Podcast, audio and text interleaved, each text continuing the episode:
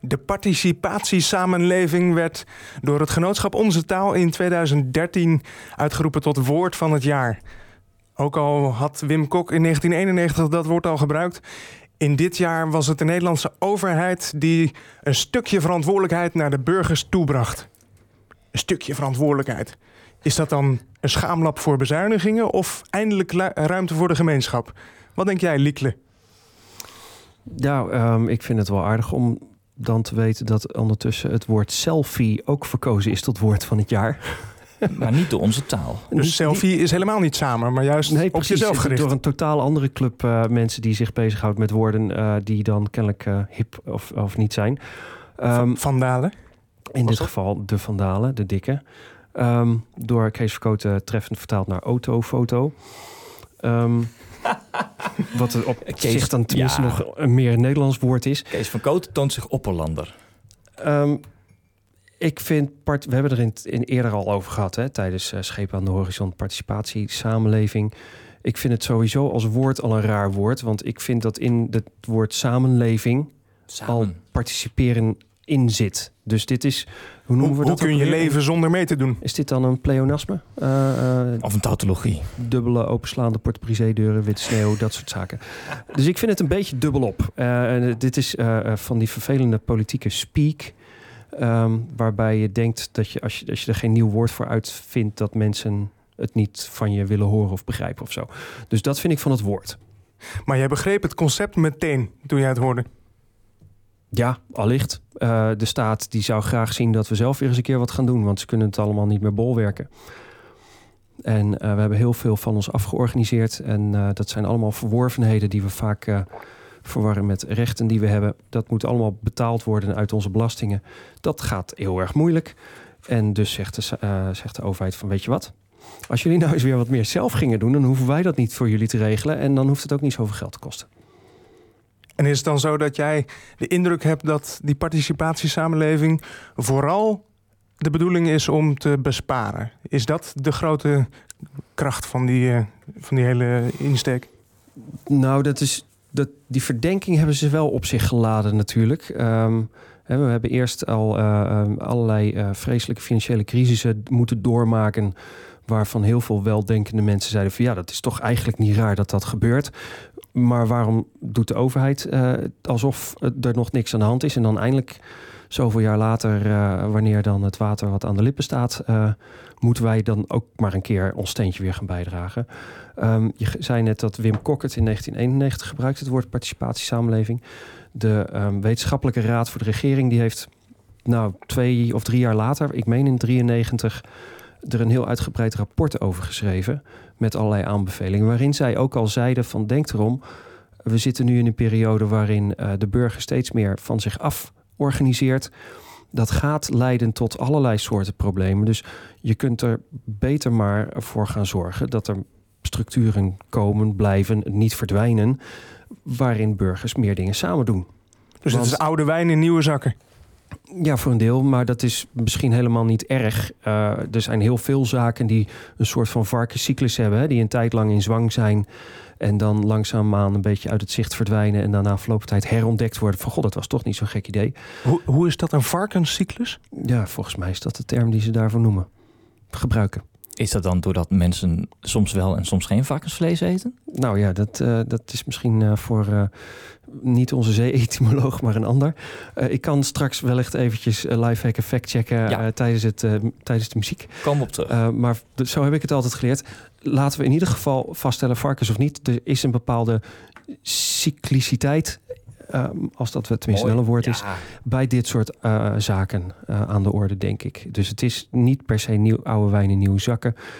Um, maar dus de grootte van de verzorgingsstaat zal altijd fluctueren.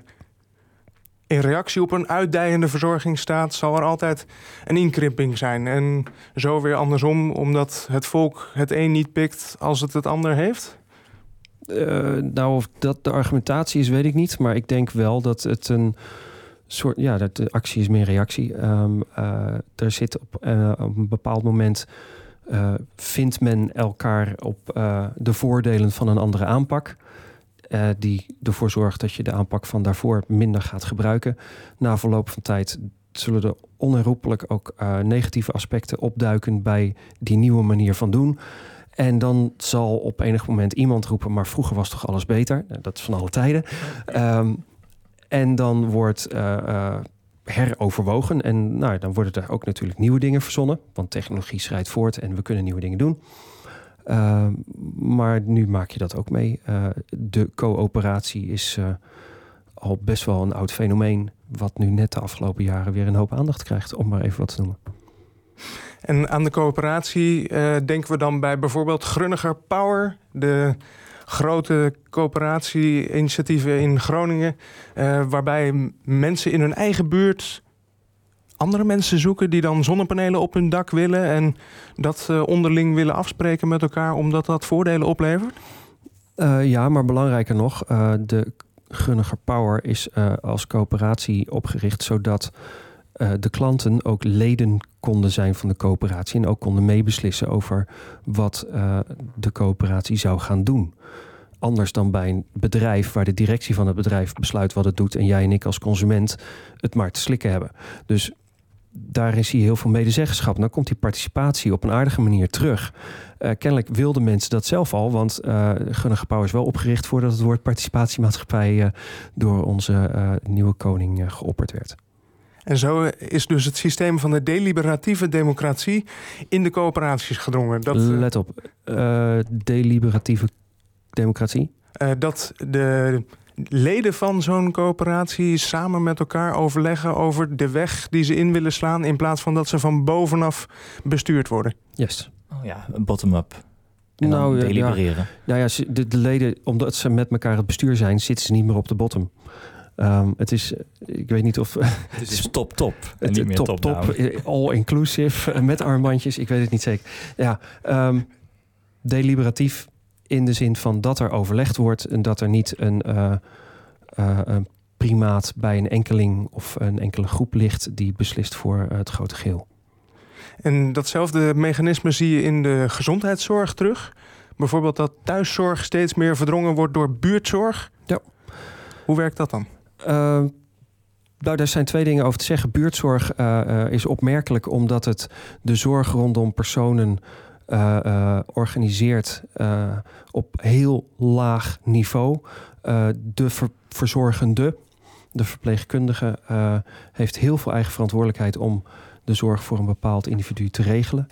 Um, en aan de achterkant is de organisatie bestaat eigenlijk alleen maar uit slimme software en een heel klein managementteam. Wat er eigenlijk alleen maar is om die buurtzorgteams te faciliteren. In plaats van dat ze ze vertellen wat ze zouden moeten doen. Dat is een, dat is een ommekeer ten opzichte van de zorg zoals we die de afgelopen jaren gewend zijn uh, geworden. Waarin de directie bepaalt hoeveel minuten uh, er voor jou dus er was minder, beschikbaar zijn. Er zijn die systemen minder centrale coördinatie, maar het werkt wel? Ja, en, en de grap is natuurlijk dat je met buurtzorg eigenlijk gewoon de oude wijkverpleegkundigen weer terug ziet komen. Alleen met een heel andere organisatie erachter. Dat is mooi ja, cyclisch. Ja. ja. Maar dan in een andere vorm. Ja. Dus oud is nieuw en nieuw is oud. Ja, en wat is dan de, de opmerkelijke innovatie van buurtzorg? Dat is nog niet eens dat ze dus besluiten om pardon, de best uh, opgeleide verpleegkundige weer vooraan in de keten te zetten, direct bij de persoon die de hulp nodig heeft. De echte innovatie is dat buurtzorg nagedacht heeft over wat heeft die persoon dan nodig en hoe gaan we ervoor zorgen dat we dat zo efficiënt mogelijk voor elkaar krijgen. En omdat ze niet belast waren met een decennia lang uh, opgebouwde organisatiestructuur, konden ze, nou, net zoals in het verleden bijvoorbeeld ook Business Bank, uh, alles achter de schermen opnieuw opbouwen en is daar een heel efficiënt informatiesysteem ontstaan, waar dus ook nauwelijks kosten in blijven hangen.